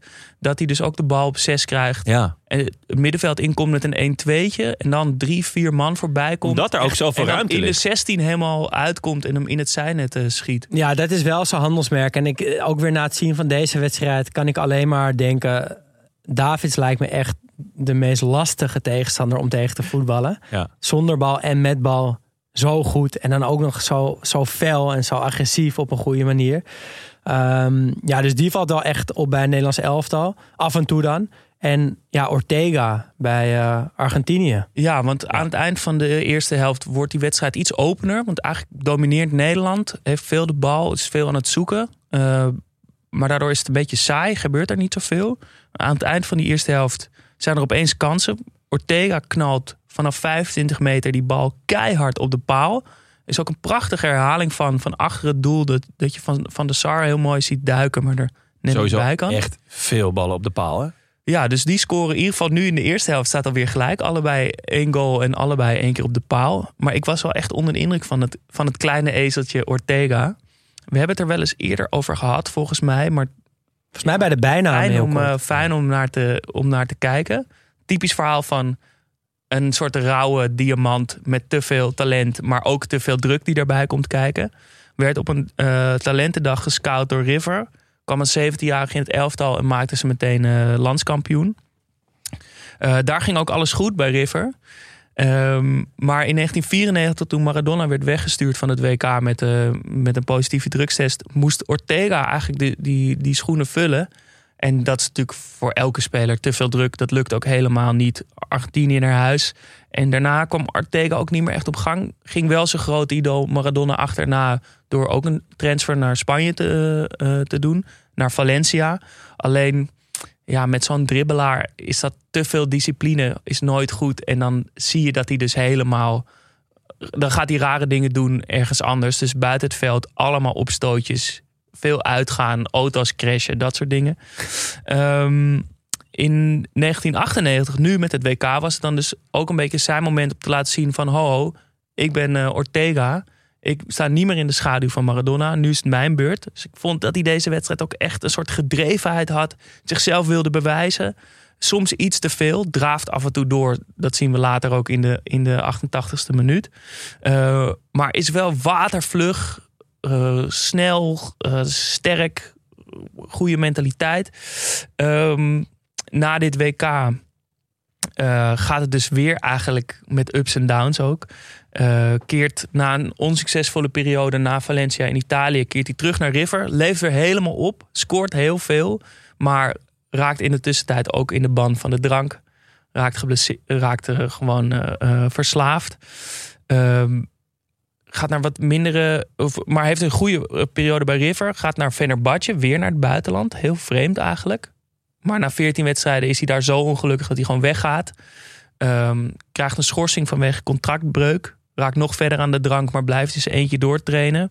River voor een derde keer denkt, nou, kom maar weer terug, verloren zoon. Doet het wel weer goed, maar daarna gaat het echt wel als een nachtkaars uit in, uh, aan de drank. Ik denk dat je eigenlijk gewoon zijn persoonlijkheid, hoe je hem nu omschrijft, zie je deze hele wedstrijd zo langzaam ook evalueren. Want hij begint heel goed en heel, heel bewegelijk, heel aanwezig. Maar je ziet ook al dat het een vechter is, een vervelend mannetje. Hij laat één keer zijn voet hangen bij Numan. Uh, waardoor hij uh, volgens mij uh, ja, in zijn klokkenspel wordt geraakt. Ja. Hij is bij elk opstootje betrokken. Hij is met Davidsen in de weer een paar keer. ja, en dat culmineert natuurlijk allemaal in dat moment met Van der Sar. Maar dat is dus eigenlijk hoe zijn hele leven ja. is gegaan. Maar ik heb er echt van genoten. Ik vond hem aan de kant van, van Argentinië de meest opvallende, ja. gevaarlijkste speler. Veel meer dan, dan Batistuta. Ja. Nou, misschien voor Ron wel beter. Ja, goed. Het is Zou hij gedronken hebben in de rust? Ik denk het wel. uh, rust tussen 1-1. Uh, de spanning is om te snijden. Ja. En dan begint Amerikaans commentaar kabbelt lekker door, vond ik. Ze zeggen ook vaak dat het zulk lekker weer is. En lekker het weer. het heeft al vijf weken niet geregend. 4th of July, ja. Mike, how are you? Ja. Uh, even kijken. Ik had op een gegeven moment ben ik gaan turven. Ze hebben zeven keer gezegd dat uh, aanstaande uh, dinsdagavond uh, Eastern Time uh, de uh, halffinale is tegen Brazilië. Ja, ja. dat is echt goed. En Kroatië-Duitsland. Kroatië-Duitsland programma. Zeker listige ben ik blij dat ik daar niet naar heb geluisterd. Ging net echt lekker in, jongen. Bij... Mike en Roger. Roger, ja. Ja, dat is goed. Maar nu die tweede helft begint, heb, ik heb die hele tweede helft echt op het puntje van mijn stoel gezeten. Want opeens speelden ze dus de goede kant op van, van waar die goal uit ging vallen. En vanaf moment, gewoon minuut één, elke keer als Frank de Boer de bal had achterin uh, en dat hij met, zijn voet, met die bal aan zijn voet een beetje indrimmelt, dacht ik, hij, hij komt. Het kan, het, het kan nu, ja. Het ja, ja, En er staat geen tijd in beeld. Dus ik, ik, ik wist ook op een gegeven moment niet meer hoe laat het was. ik, had, werd helemaal, ik had helemaal kriebel in mijn buik. Ik dacht, hij gaat komen, hij gaat komen. En hij heeft ook best wel veel op die plek van het veld de bal. En hij wordt ook een paar keer zo op hem ingezoomd. Dat hij dus zo dribbelt met zijn borst zo een klein beetje vooruit. En die, en die bal buitenkant voet zo een paar keer zo vooruit tikken. Dus het lijkt ook een paar keer van... hé, hey, Misschien is hij er nu al. Ik kon, ja. ik kon die hele tweede helft eigenlijk niet echt opletten. Omdat ik alleen maar zat te wachten van hij gaat komen. Ah, ik had sowieso wel... Ik, uh, ik leefde echt mee met deze. Dus eh, er waren best wel wat kansen. Of net niet kansen. Of iets dat werd slecht werd uitgespeeld. dacht ik, ah, godver. Ah, nee, dat meen je niet. Dus uh, dat heb ik echt lang niet met alle wedstrijden die we terugkijken. Soms zit je gewoon heel analytisch te kijken. Of zit je meer door de sfeer. Of op één speler heel erg te letten. Maar nu zat ik echt zo van... Ah, ik hoop wel echt dat we winnen. uh, maar er zijn inderdaad, uh, er komen opeens inderdaad kansen. Nederland voert de druk weer langzaam op. Uh, maar opeens toch een counter. Batistuta wordt weggestoken. Kapt Frank de Boer helemaal het bos in. kapt naar binnen toe en schiet de bal keihard op de paal. Eigenlijk het Best eerste moment dat je Batistuta ziet. En dat je ook ziet wat hij kan. En dat is dan ook wel vond ik in ieder geval meteen indrukwekkend. Eén kap en afwerken. En ik heb wel eens over Batistuta gelezen dat hij dat is, nou, ja, een van zijn kwaliteiten was dat hij zo hard kon schieten. Ongelooflijk. En dat zie je hier wel echt terug. Ik, kan, ik ken hem ook alleen maar dat hij hard schiet. Ik heb hem Ja. eigenlijk nooit zacht zien schieten. Nee. Mij als hij gewoon een intikker heeft, dan ramt hij hem gewoon ook alsnog. Gewoon Ja, door het net, Door het net. Ja, het Ja. is een wonder dat die Lekker. paal niet in tweeën breekt. Met die wilde manen is Ja. helemaal een mooi beeld. Maar aan de andere kant, meteen eigenlijk uit, deze, uit die kans van eh, Argentinië komt een, een kans van Kluivert. Die de bal eh, uit de voorzet op goal kopt. Net onder de lat, maar de keeper zit er nog, nog net bij. En Ja. dat is zo mooi. Dat is die Tsjechovs gun waar we het net over hadden. Ja. Eh, want in de halve finale tegen Brazilië maakt hij hem wel. Eh nou kan iedereen aanraden om daar nog een, een keer een slow motion van te bekijken. Hoe lang hij in de lucht hangt. Hoe hoog die komt. eh, hoe, ja, hoe, hoeveel... Ja, hoe die blijft zweven ook hoe die blijft zweven. En die beweging is mooi, want hij zet zich heel nadrukkelijk af. Ja. En dan, ga- dan maakt hij zijn lichaam echt wat groter. Dus die schouderbladen gaan dan zo naar achter toe. En zijn hoofd ook een beetje. En Handen dan, breed. ja, en is het gewoon wachten totdat die bal bij zijn hoofd in de buurt is. En dan echt die kopbeweging. Ja, ik vind die, die motoriek van Kluivert vind ik sowieso een van de mooiste motorieken Ja. ooit in het voetbal. Maar dat zie je denk ik nog echt het beste met zo'n kopbal. Want hij, hij hangt inderdaad stil in de lucht. En dan stuurt hij die, die bal met zijn hele lichaam Ja. richting goal. Met zijn hoofd gaat hij er helemaal achteraan. En dan als laatste draaien ook nog eens zijn benen langzaam mee. Die dan Ja. nog die zo'n beetje zo wijd gaan. Ja, het is Zijn bijnaam bij ons mooi. was eh, Petje Hangtime. ja, Gewoon dat hij zo lang stil blijft hangen. En zeker in de slow motion zie je dat echt mooi. Je ziet ook, want die andere, die jongen die springt een beetje tegen hem aan. Maar die komt, die komt half niet zo hoog. Op een gegeven Nee. moment zit Kluivert echt met zijn knieën op, op eh, ja, net iets onder kaakhoogte. Wat echt absurd is om, om Ja. dat gewoon even tussen neus en lippen door te, te doen. moet ook bijna bukken om die bal te koppen Ja, weer. Hij springt te hoog Ja, eigenlijk. eigenlijk bijna wel. Ja. En de voorzet komt eh, van Overmars, die er dus eh, net ingewisseld is voor, eh, Voor de Ronald de Boer. Wat opmerkelijk is, want de Boer, nou dat vonden we alle drie, speelde echt een hele goede wedstrijd. Zeker. En Overmars komt dus ook in de ploeg aan de rechterkant. Ehm, we hebben eerder een wedstrijd van Ajax teruggekeken met Overmars in het veld. Toen speelde hij op links. Ehm, en de Amerikaanse commentatoren zijn vol lof over Overmars. Eigenlijk al ver voordat erin komt. De hele De, de tijd Engelse trouwens ook. Ja? ja. Ja, de hele tijd benoemen ze dat het Nederlandse elftal de snelheid en de directheid van Overmars echt nodig heeft. De diepgang ook. En dat komt eigenlijk allemaal meteen terug in deze actie. Want ja, hij gaat diep, hij kapt iemand uit, voorzet en dan is dat moment van Kluivert. Was ook de mission, hè, voorafgaand. Ja. Met de snelheid op de flanken Ja. te benutten. Ja. Maar dat, eh, ja, dat is een belangrijk moment. Want ik kan me voorstellen dat Argentinië ja, dat het angst inboezemt. Ehm, maar wat ze minder angst inboezemt is dat eh ja, Numan tegen zijn tweede gele kaart aanloopt. Ja, Vonden jullie terecht? Ja. Ja, Ja, wel, Kijk, het is wel, hij, hij maakt een overtreding op Simeone, die natuurlijk donders goed Ja. weet dat Numan geel heeft. ja. Maar ja, hij, hij kleunt er wel in. ja. En het is wel heel eh, sneu voor Numan, want die mist hierdoor, hierdoor de halve finale tegen Brazilië. Eh, twee jaar later, in 2000, eh, mist hij weer de halve finale. eh, te- die tegen Italië. Hij raakt geblesseerd in de kwartfinale daarvoor. En ik vond het wel heel leuk dat we Numan nu aan het werk zagen. Want ik had ook niet echt een idee van hem. Ehm, maar ik eh, sprak hem laatst voor mijn werk. Oh ja, ja. Toen heb ik hem een klein beetje leren kennen. Nou, als een hele leuke, open man. En dus ook de voetballer. Want ik heb hem een beetje gaan inlezen. Ik vond hem echt goed. En ja, maar ik dacht ook, het is ja, simpel Becky, dacht ik nu man. Ja, maar, een beetje houterig. maar dat is helemaal niet zo. Want Nee. het mooiste voorbeeld daarvan vond ik dat hij, hij heeft gespeeld met Ronaldo en met Romario bij PSV. En Romario is degene geweest die Numan naar PSV heeft gehaald. Want Romario speelde met PSV tegen Twente, waar Numan speelde. Ja. En die heeft toen na afloop in een interview in de krant gezegd dat PSV Numan moest halen. Omdat hij de ballen zo lekker weglegt. En, en Romario daarvan wil, ja, wil, wil van kunnen profiteren. en Numan heeft, heeft dit krantenartikel bewaard in zijn plakboek. Eh, met gele marker zo die zinnen van Romario eh, onderstreept. Oh, Maar dat geeft dus wel aan dat, dat Ja. Numan gewoon een hele goede speler was. En niet een simpel bekkie. Nee, hij was vooral voetballend echt goed. Ehm, hij eh, werd ook best wel veel betrokken in de opbouw. Het was echt niet dat, dat het allemaal via de Boer en Davids en zo ging. Maar hij had ook gewoon een actie. Op een gegeven moment passeert hij twee man, wordt hij nog half onderuit geschoffeld. Kreeg hij vrij trap Ja. tegen. Dacht je, kan ook een vrij trap voor zijn. Maar ja, goed, was in de.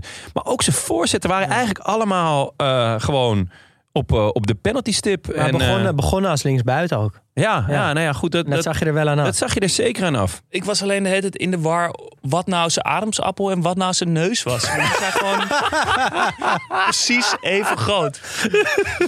Misschien kan je hem dat een keer vragen. Dan. Maar allebei die bekkies hebben, hebben allebei de- het gezicht van een zo'n karikatuurtekening die Ja. je op straat gemaakt krijgt. Reiziger aan de Een andere soort- kant. Een Ja. soort eh, dingen die heel erg uitvergroot zijn in een, Ja. in een gezicht. Oh, het zou leuk zijn als zij een liefdesbaby krijgen. Krijg maar ik vond die, die rode kaart, dacht ik... Als je niet weet wat, wat de eindstand wordt, denk je... Ja, tuurlijk, zie Ja. je wel. Ja. Het, gaat, het moet zo gaan. Daar gaan we. Nederland tegen, in een eindronde, in een knock-out wedstrijd... tegen zo'n sluwe tegenstander is beter, krijgt een beetje zelfvertrouwen. Maar dat blijkt dan valse hoop te zijn. Daar Rode kaart, Ja. zie je wel. In de laatste minuut nog een penalty of iets zo moest het gaan. Dus zo ging het tegen Engeland. En dat, het tekent zich gewoon al. Het kondigt zich vanaf, vanaf de 60ste minuut of 50ste minuut... kondigt zich al af. Als Nederland die kansen niet omzet in doelpunten... dan gaat het zo. Dit is gewoon een voetbalwet. En dat het dan dus niet gebeurt. Dat er dus dat wondermoment komt. Dat, ja, dat vond ik... Het moest met zo'n wondermoment gebeuren ook. Want als, dat, als die, dat moment van dat briljante moment niet komt, dan, dan waren ze er 100% afgegaan. Ja, Ja, en maar- het moment van Ortega. Ik wou net zeggen, ik vind eigenlijk Ja. dat moment nog wel wat briljanter. Omdat het, De rode kaart hebben we het nu over. ja, Ja, want omdat het dus niet eigenlijk. des Nederlands is. En al helemaal niet des van de SARS. Ja. Eh, want ik zat nu ook enorm op want ik zat daar dus enorm naar uit te kijken van, oh ja, hij gaat straks die zwalbe maken. 87e minuut. 87 Ja. minuut. Maar ik had het toen niet door. Ik kwam er ook pas na, daags na de wedstrijd achter. Toen je inderdaad dat dan las. Of het werd eh, Ja. een interview ergens eh, op het Sportjournaal of zo. Bleek gewoon dat Van der Sar een fucking zwalbe had gemaakt. Terwijl ik wist niet eens dat Van der Sar wist wat een zwalbe was. Maar het is misschien goed om het even uit te leggen. Want dus Nederland krijgt een rode kaart. eh, speelt nou, een, bijna 10 minuten met, met 10 man tegen de Ja. 11 van Argentinië. En net op het moment dat Argentinië dat overwicht echt probeert gaat omzetten in, in druk. Ja. Komt er een zwalbe van Ortega. Die dribbelt de 16 in. Kapt, Gaat makkelijk liggen. ja, kapt het- stam uit, maar duikt over zijn been heen. Overduidelijke zwalbe. Overduidelijke zwalbe. Maar ja, als je zonder herhaling... Ja, kan ik me voorstellen dat, ja dat je die kan erin trappen als scheids. Zeker, het was een goede zwalbe. Eh, Ja, dus zeker. Nederland protesteert, Ortega ligt op de grond. Het is nog niet helemaal duidelijk, die scheids, wat hij nou precies gaat doen. Ja, Van der Sar komt verhaal halen bij Ortega, gaat over hem heen staan. Ortega staat op, maar wel met een duidelijke Missie. eh, missie. Ja. Hij, het is bijna een uppercut met zijn hoofd. ja Maar Ortega, bijna. heel klein mannetje, het kleine ezeltje, tegen dit lange ijskonijn. Ja. En, En- die valt met zijn handen in zijn gezicht. ja, ik weet niet hoe het bij jouw registratie zat, maar het gebeurde dus buiten beeld. Bij ons. in De eerste geval. keer, ja. de eerste Ja, keer. Dus ik zat mij- heel erg te kijken van oké, hij gaat het nu, hij gaat het nu, hij gaat het nu doen. En er werd ingezoomd op eh, de scheidsrechter. Ja. Waardoor eh, dus je, je niet goed zag wat er nou precies gebeurde bij, eh, bij Van der Sar en, eh, en Ortega. En later zie je het eigenlijk nog steeds niet heel goed. Dus de zwalbe van Ortega was heel goed, maar net niet goed genoeg. Ja. De zwalbe van Van der Sar was absoluut perfect. Een team met een griffel. Een team met een griffel. Want het is dat ik weet dat het een zwalbe is. Om, Ja. gewoon- Anders, anders nee. trap je er gewoon in. En ik was er dus in. Ik, Ja. ik wist dat niet meer. En ja, kijk, als die intentie van Ortega zo duidelijk is. Het is niet dat Van der Sar op Ortega afloopt en dan n- neervalt. Nee. Ortega gaat ook wel echt voor de kopstoot. Maar is gewoon te klein Ja. om te geven. En eh, Mike en Roger, eh, onze twee favoriete eh, helden uit Amerika, die hadden al, ehm, die, die hadden het enorm gezien op Simeone, want die, die vonden hem vrij irritant. Sowieso waren ze best op de hand van Nederland, Ja. vond ik. Ehm, en die hadden dus over die tweede gele kaart van Simeone, dat vonden zij dus al een zwalbe. De tweede gele kaart de- van... Eh, de tweede gele kaart van Numan. Oh, ja, ja. Eh, dus de, Simeone door- aan- ja, Simeone, ja. eh, waarover ze later dus zeggen: Simeone gave an Academy Award performance. He deserves an Oscar. maar als Simeone daarvoor een Oscar krijgt, wat krijgt Van der Sar dan? Ja, een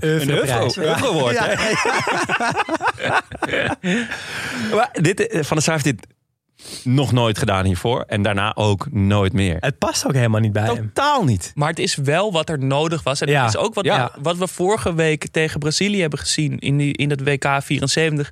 Brazilië gaat met geslepen messen, Ja. komen ze die wedstrijd in. Echt, die gaan overal met gestrekt benen in. En in plaats van wat je nu vaak ziet, wat Nederland vaak doet, is dat ze voetballend eronderuit proberen te komen. En dan inderdaad te Eigen zijn. spel blijven wat hier spelen. dus ook Ja. eigenlijk had moeten gebeuren. Ja. Ja, precies.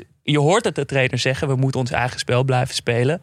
En dan de wedstrijd uitgeschopt worden. Eh, dat Nee. is dus het antwoord wat je eigenlijk dus vaker moet zien. Niet je eigen spel spelen. Ga er maar, weet je, Ja, je ga moet er ook maar eens gewoon de, gaan- de, de gaan- loopgraven ja. in en Ja. gewoon eh Ja, opstoten geven. Ja, goed. Spugen. Ja. ja, het is nog één keer gebeurd. De, de slag om Nuremberg, volgens mij. eh, Ja, Met, eh, ging uiteindelijk 12 geel en 3 rood. Nou ja, goed, had ook onze kant op kunnen vallen. Had ook gekund. Had gekund.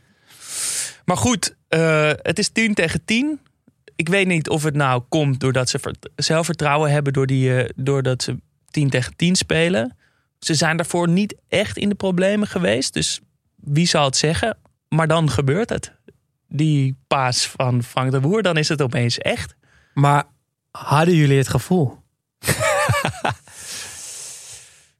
Ja, na die rode kaart van Ortega Ja. dacht ik wel... eh, we Ja, gaan het gewoon, we gaan het gewoon flikken. Ook omdat ik echt vond dat Nederland, zeker de tweede helft, echt veel beter was. Ik bedoel, eh 18 komt er nog een paar keer listig uit. En nou ja, na die eh, rode kaart van Newman was het inderdaad, oh ja, daar gaan we weer. Maar toen na die rode kaart van eh, Ortega was het gewoon weer... eh, dan ben, ik ook niet de moeilijkste in hoor. Dan loop ik gewoon weer vooraan op die, in die Polonaise. maar ja, ik, jij- ik vond het, ja... Had jij het gevoel dat we in de halve finale gingen komen? Nee, eer- ik had het dus eerlijk gezegd niet. Maar dat komt dus, ik wil niet eh, de grote partypoeper zijn, maar omdat de wedstrijd me dus echt een beetje tegenviel. Ja, je bent wel echt een partypoep. Ja, sorry. Nee, ja, dat kan. Maar Ah, zal ik uh, Daans microfoon gewoon uitzetten? ja, dat is goed.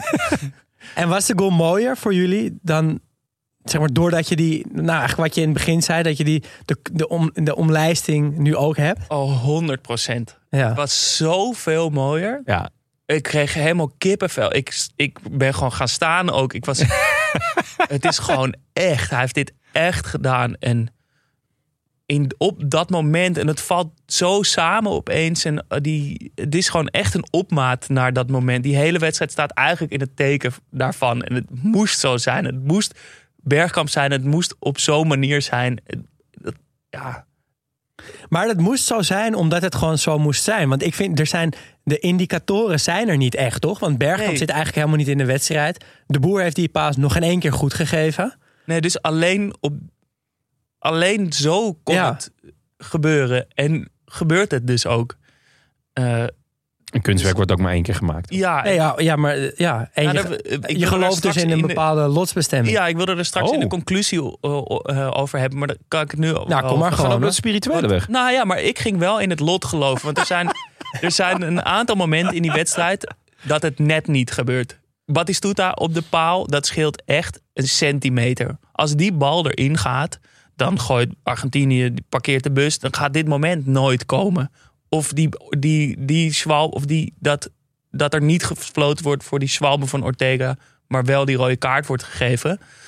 Die paar centimeter elke keer die het scheelt, in de aanloop naar zo'n iconisch moment toe, dat ik ging er wel van denken van ja, hoeveel momenten, hoeveel iconische momenten zouden er niet zijn geweest doordat er net dat balletje net wel of net niet binnenkant paal gaat. Ja. Eh, maar dat geloof ik dus niet. Ik, gel- ik, gel- ik kan, of tenminste, ik, rationeel gezien wel, maar ik, ik geloof wel dat het zo moest zijn. Dat die bal er dus niet inging, omdat dit moest gebeuren.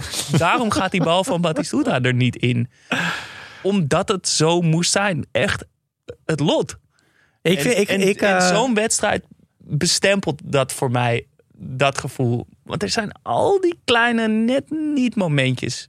Ik vind het echt een schitterende manier om, eh, om naar dit moment te kijken eigenlijk. Ja, ik ook. Ik vind het... En vooral de gedachte dat zoveel mooie momenten er niet geweest zouden zijn. Als die bal 10 centimeter naar links was. ge- ge- Ja, maar dus ik denk dus ook niet dat er. Ik, ik geloof gewoon niet dat die iconische momenten er net misschien of er net niet geweest zijn. Ik geloof dat die iconische momenten er allemaal geweest zijn omdat ze zo moesten zijn. er Ja, is, maar dan moet- Eigenlijk zeg jij er is een voetbalgod. eigenlijk Ja. wel. Ja, maar nee, ja sorry. Die Nee, ja, je is- kikt mijn, even mijn nuchtere, nuchtere Amsterdamse... Mika Nurmela, fenomenale rechtsbuiten van Oh, Heerenveen. oh, oh. Die heeft zoveel wereldgoals gemaakt. Dat het Ja. al 4-0 stond voor de tegenstander. En dat hij niet, meer, niet eens meer mocht juichen. Die hadden allemaal iconisch kunnen zijn. Ja, maar dat zijn ze niet. Nee, dat zijn ze niet. Ja, maar dat, Dus is, dat heeft een reden dat ze er niet zo zijn. Want eh, het is niet het beslissend moment op een, op een knock-out fase van een eindtoernooi. Snap je? Het is, het- ze kunnen alleen iconisch worden als ze op zo'n manier... Mika Nurmela was. Fins. Ja, dat is, dat is natuurlijk wat zout in de wonden daar voor de jongens. Maar ja, ik, ik, ik vind het mooi dat je religieus wordt. Ehm, maar Maar geloof jij dat, er, dat, dat we in die slag bij Nuremberg in, tegen Portugal... dat er daar misschien... dat het, als die kaart net niet was gegeven... dat er misschien de, de actie daarna wel een werelddoelpunt was gemaakt door Van Persie? Of geloof je dat, dat het in de finale van WK 2010 het had kunnen zijn als net... Of, ik, ik geloof niet dat we... Ja, ik kan... omdat, het, omdat je het niet weet, gelo- kan ik gewoon niet geloven dat ze, er, dat ze er waren geweest anders. ik vind het heel... Ja, nee, ja. Ik raak er echt van in de knoop Oké. in deze wedstrijd ook. Maar Ja? ik, ik, uiteindelijk wil ik dit ook gewoon gelo- geloven. er is een Ah, het is, eh, ja, en het is eh, zo'n mooi moment voor het collectieve voetbalgeheugen geworden. Want nog heel even naar dat juichen van Ja. Bergkamp. Ja. Met die handen zo voor zijn gezicht, wat al heel Ja. mooi is. En dan iedereen die op hem afstormt. Jonk die naast hem gaat zitten op zijn knieën. Ja. Met zijn armen omhoog. Als een klein jongetje. Ja, en Kluivert die hem soort van zijn hoofd prevelt of zo. Ja, en die en- kijkt hem in zijn ogen. Ja. wat heb je gedaan? Wat de fuck doe jij? Ja, wat heb hoe je kan gedaan? dit? En wat ik ook nog heel mooi vind, is dat die wedstrijd is afgelopen. En iedereen rent naar Bergkamp toe. Maar Davids niet. Oh, Die rent naar Van der Sar toe. tuurlijk. Die sprint, ja, maar dat vond ik zo vet. Die Ja. sprint dus van, want de bal was volgens mij op de helft van Argentinië. Scheidsfluit af en Davids draait zich om en sprint naar Van der Sar toe. Dus Davids heeft denk ik doorgehad dat dat moment met Ortega en Van der Sar Ja. zo belangrijk was. Ja, en dat het gewoon Ja. een, een eh, amateurtoneel was. Ja. Heel vet. En dan nog heel even jongens, want we hebben hem te weinig besproken. De meest stijlvolle man op het veld. Veron. Ja. Hij heeft een Bandje. lage afgezakte kousen en gele diadora's. Of Ja. zwarte, zwarte diadora's met een geel diadora logo. T- eh, rollen, hoe heet het? eh, een bandje tape om zijn knie. Ja, een rood armbandje. Vond ik Ja. ook opvallend. Een soort Kabbala eh, bandje. Doe me altijd een beetje denken aan een loan shark. Ja. Weet je wel, gewoon iemand, eh, als je echt in de problemen zit, dat je denkt, oké, ik heb nu geld nodig. Ik leen hier voor 25% per dag. Leen ik van hem even een paar tientjes.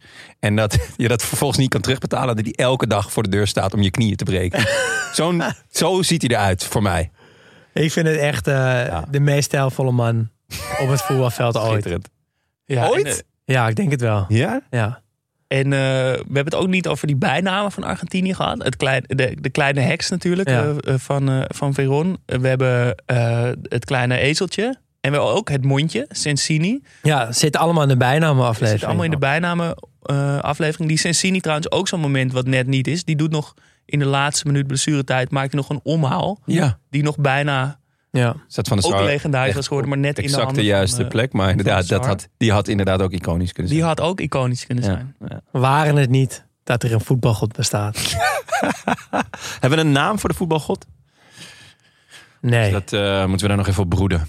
Misschien een leuke, misschien een leuke moet geen luisteraars. naam hebben, denk ik. luisteraars, luisteraars. Hij. Oh, ja, met hoofdletter H.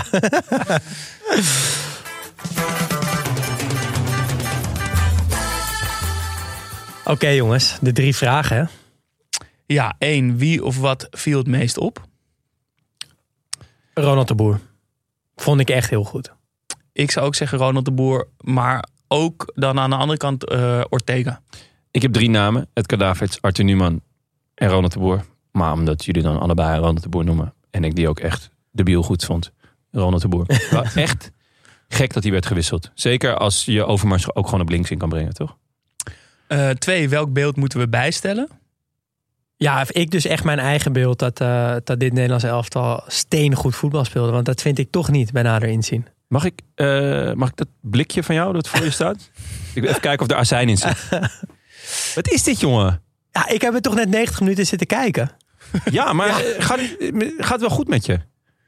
Nou ja, hoe is je nieuwe baan? Hoe gaat, hoe gaat het thuis? Ja, Ook heel allemaal goed, ja. eh, gewoon... eh, Ja. Krijg je hem nog omhoog? Eh, juist daarom kan ik zo, zo, juist daarom kan ik zo je, eerlijk bent, zijn. je bent gewoon... Jij bent eigenlijk de ik voetbalgod. ik kan gewoon. die- nou ja, dat is het misschien wel.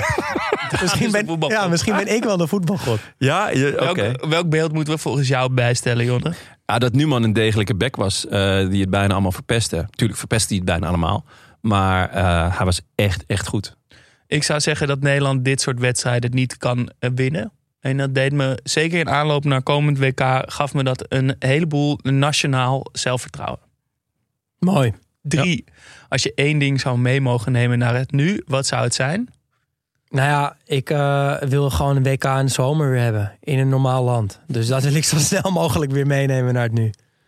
Ja, daar sluit ik me eigenlijk volledig bij aan. Ik, eh, ik kreeg er zoveel, zo ontzettend veel zin van in, in een WK. Zo hoort het WK te zijn, toch? Dit gevoel. Dit gevoel. Ja. En eh, eh, met, eh, daar wil ik ook nog aan toevoegen de, de, de, de oud-Hollandse liedjes die van de tribune kwamen. Gewoon hup Holland, hup. Laat de leeuw niet in zijn Die was hempie staan. 74, gaat hij ook. Ja, Ja. echt, echt goed. En gewoon, ja, la, la, la, la, la. Dat vind ik het beste voetbalnummer ooit. Goede tekst, je kan hem eigenlijk gelijk meezingen. Ja. En dus, dus, ja, dus dat. Ik zou zeggen verdettes die altijd een kraagje omhoog moeten hebben. Ja, Heel Moet mooi. gewoon. zeker.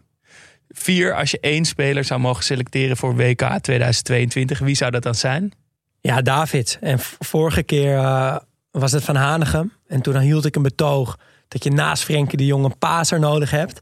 En nu heb je naast Frenkie de Jong eh, een, een soort van box-to-box verbinder, pitbull in één nodig, David. Ja. Eh, oh, wat zou het goed zijn als hij eh, mee zou mogen doen. Ik zou toch zeggen, ja, niet omdat het de beste man van het veld was hier, maar ik zou toch wel graag Kluivert erbij eh, willen hebben voor dit Nederlands elftal. Ja, qua positie Qua zou dat wel het eh, beste zijn. Was een ontzettende goede kapstok. Speelde heel goed in dienst, vond ik. Eh, maar draaide ook vaak open en met een actie. En ja, die motoriek, daar wil ik gewoon ook meer naar kijken.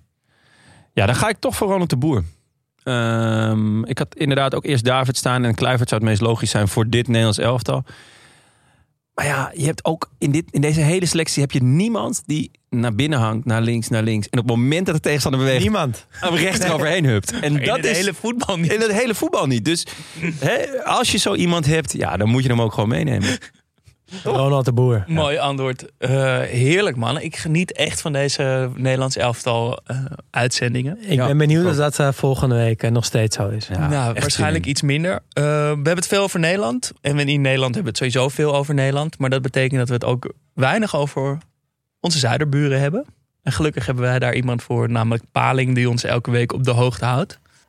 Ha mannen, Paling hier.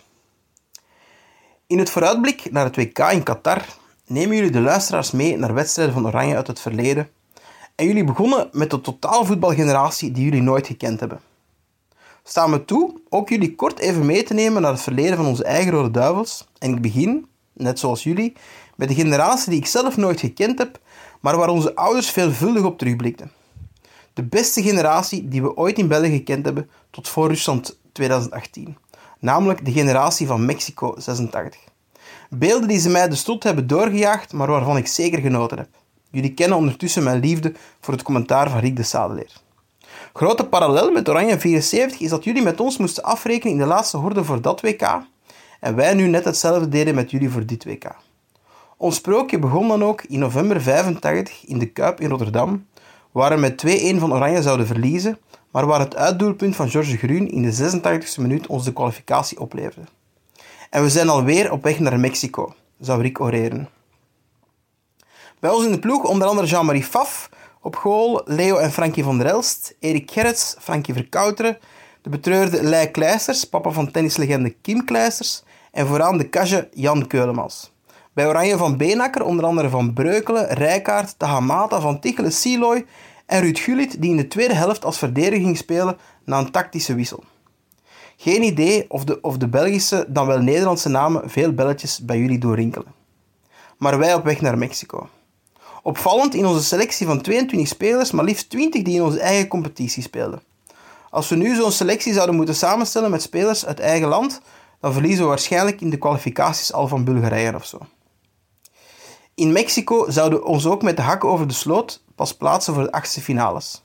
We verliezen van het gastland, winnen met slecht voetbal van Irak en spelen met veel geluk gelijk tegen Paraguay. We waren uiteindelijk een van de vier beste derdes om door te gaan naar de volgende ronde. Er waren veel spanningen in het Belgische kamp, hè, communautaire spanningen Frans-Nederlands, ehm, maar ook er was kritiek uh, op de bondscoach, van, zowel van pers als spelers. Die zou te oud zijn, slechte tactische keuzes. En speler René van der Rijken werd zelfs naar huis gestuurd. Maar in de knock-outfase begon het sprookje. Tweemaal waren we de underdog. Het grote Rusland, dat in de poelenfase alles gewonnen had, werd opzij gezet in verlenging. En ook Spanje, dat de ronde ervoor Denemarken verslagen had met 5-1, werd in de verlenging en na penalties opzij gezet. Er was uiteindelijk in de halve finale een sublieme Maradona nodig om ons de toegang tot de finale te ontzeggen. We keerden als helden terug en werden gevierd op de grote markt in Brussel. Ik sluit graag af het verhaal van Mexico 86 met Casa Hogar. Er is nu terecht kritiek op Qatar en de FIFA. Ook in 86 was de keuze voor het gastland wel omstreden. Zij het wat minder als nu. Maar de Rode Duivels troffen in Mexico heel wat armoede aan. In hun verblijfplaats Toluca krioelde het van de kansarme straatkinderen. Ze besloten dan ook een deel van hun wedstrijdpremies af te staan aan een lokaal project en samen met de hoteleigenaar werd Casa Hogar opgericht. Een opvangtehuis voor wees- en straatkinderen, met als doel hen betere kansen te geven op een toekomst. Dit project bestaat tot de dag van, van vandaag nog altijd. En onze Belgische voetbalbond die zamelt nog steeds jaarlijks ongeveer iets van 150.000 euro aan via fondsenwerving voor dit project. Groetjes, Paling. Laat dat een voorbeeld zijn voor alle nationale ploegen die nu naar Qatar gaan. Ja, ja, en dan hopen dat, die, dat dat geld niet in Qatar wordt besteed. Want hè, daar hebben ze centen zat. Maar juist in uh, landen als Nepal en uh, waar heel veel van die... Uh, Bangladesh. Bangladesh, waar veel van die arbeiders vandaan komen. Dat, dat zij gewoon hun, het geld krijgen wat ze ooit is beloofd en wat ze hebben verdiend. En, en hopelijk ook nog heel veel meer met alle, al het verlies dat ze hebben geleden. Dankjewel, um, ja, dankjewel Paling. Hier over Qatar is wat mij betreft nog het laatste woord ook niet uh, gezegd. Nee, daar gaan we. Dus uh, daar gaan we een keer nog uh, goed, goed over uitweiden. Precies.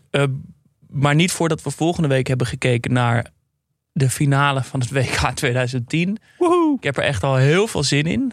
Maar er moet toch eens en voor altijd een keer een soort closure zijn. Zodat we dit, dit WK ook kunnen winnen misschien wel. Als we het niet hebben gedaan, is er nog geen. Ik weet niet of je dat moet willen. Zul je altijd zien. Ja, dat je gewoon het lelijkste WK ooit wint. Ja, gewoon als er, als er vijf minuten na het laatste fluitsignaal gewoon al een vliegtuig klaar staat. Om dat land uit te vluchten. Al bezweet in het vliegtuig ja. naar Nederland. Met raampjes die open kunnen zodat je poep naar buiten kan gooien. ja, bijvoorbeeld. Dan vind ik het goed. Ja.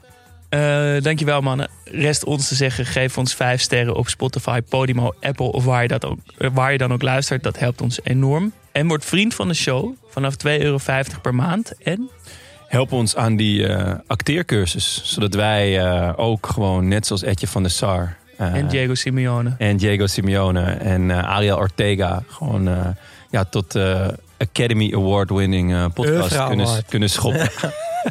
Studio Socrates werd mede mogelijk gemaakt door Dag en Nacht Media. Wil je meepraten? Dat kan. Laat een bericht achter op vriendvandeshow.nl slash Studio Socrates of via Instagram studio-socrates. Mailen kan trouwens ook. Ons e-mailadres is studiosocratespodcast.gmail.com. Tot vrijdag.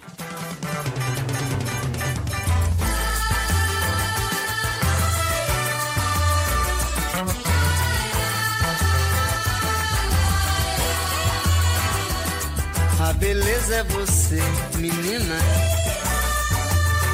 no seu jeito de olhar. O sucesso é você, menina, menina, no seu modo de andar. Alegria é você, menina,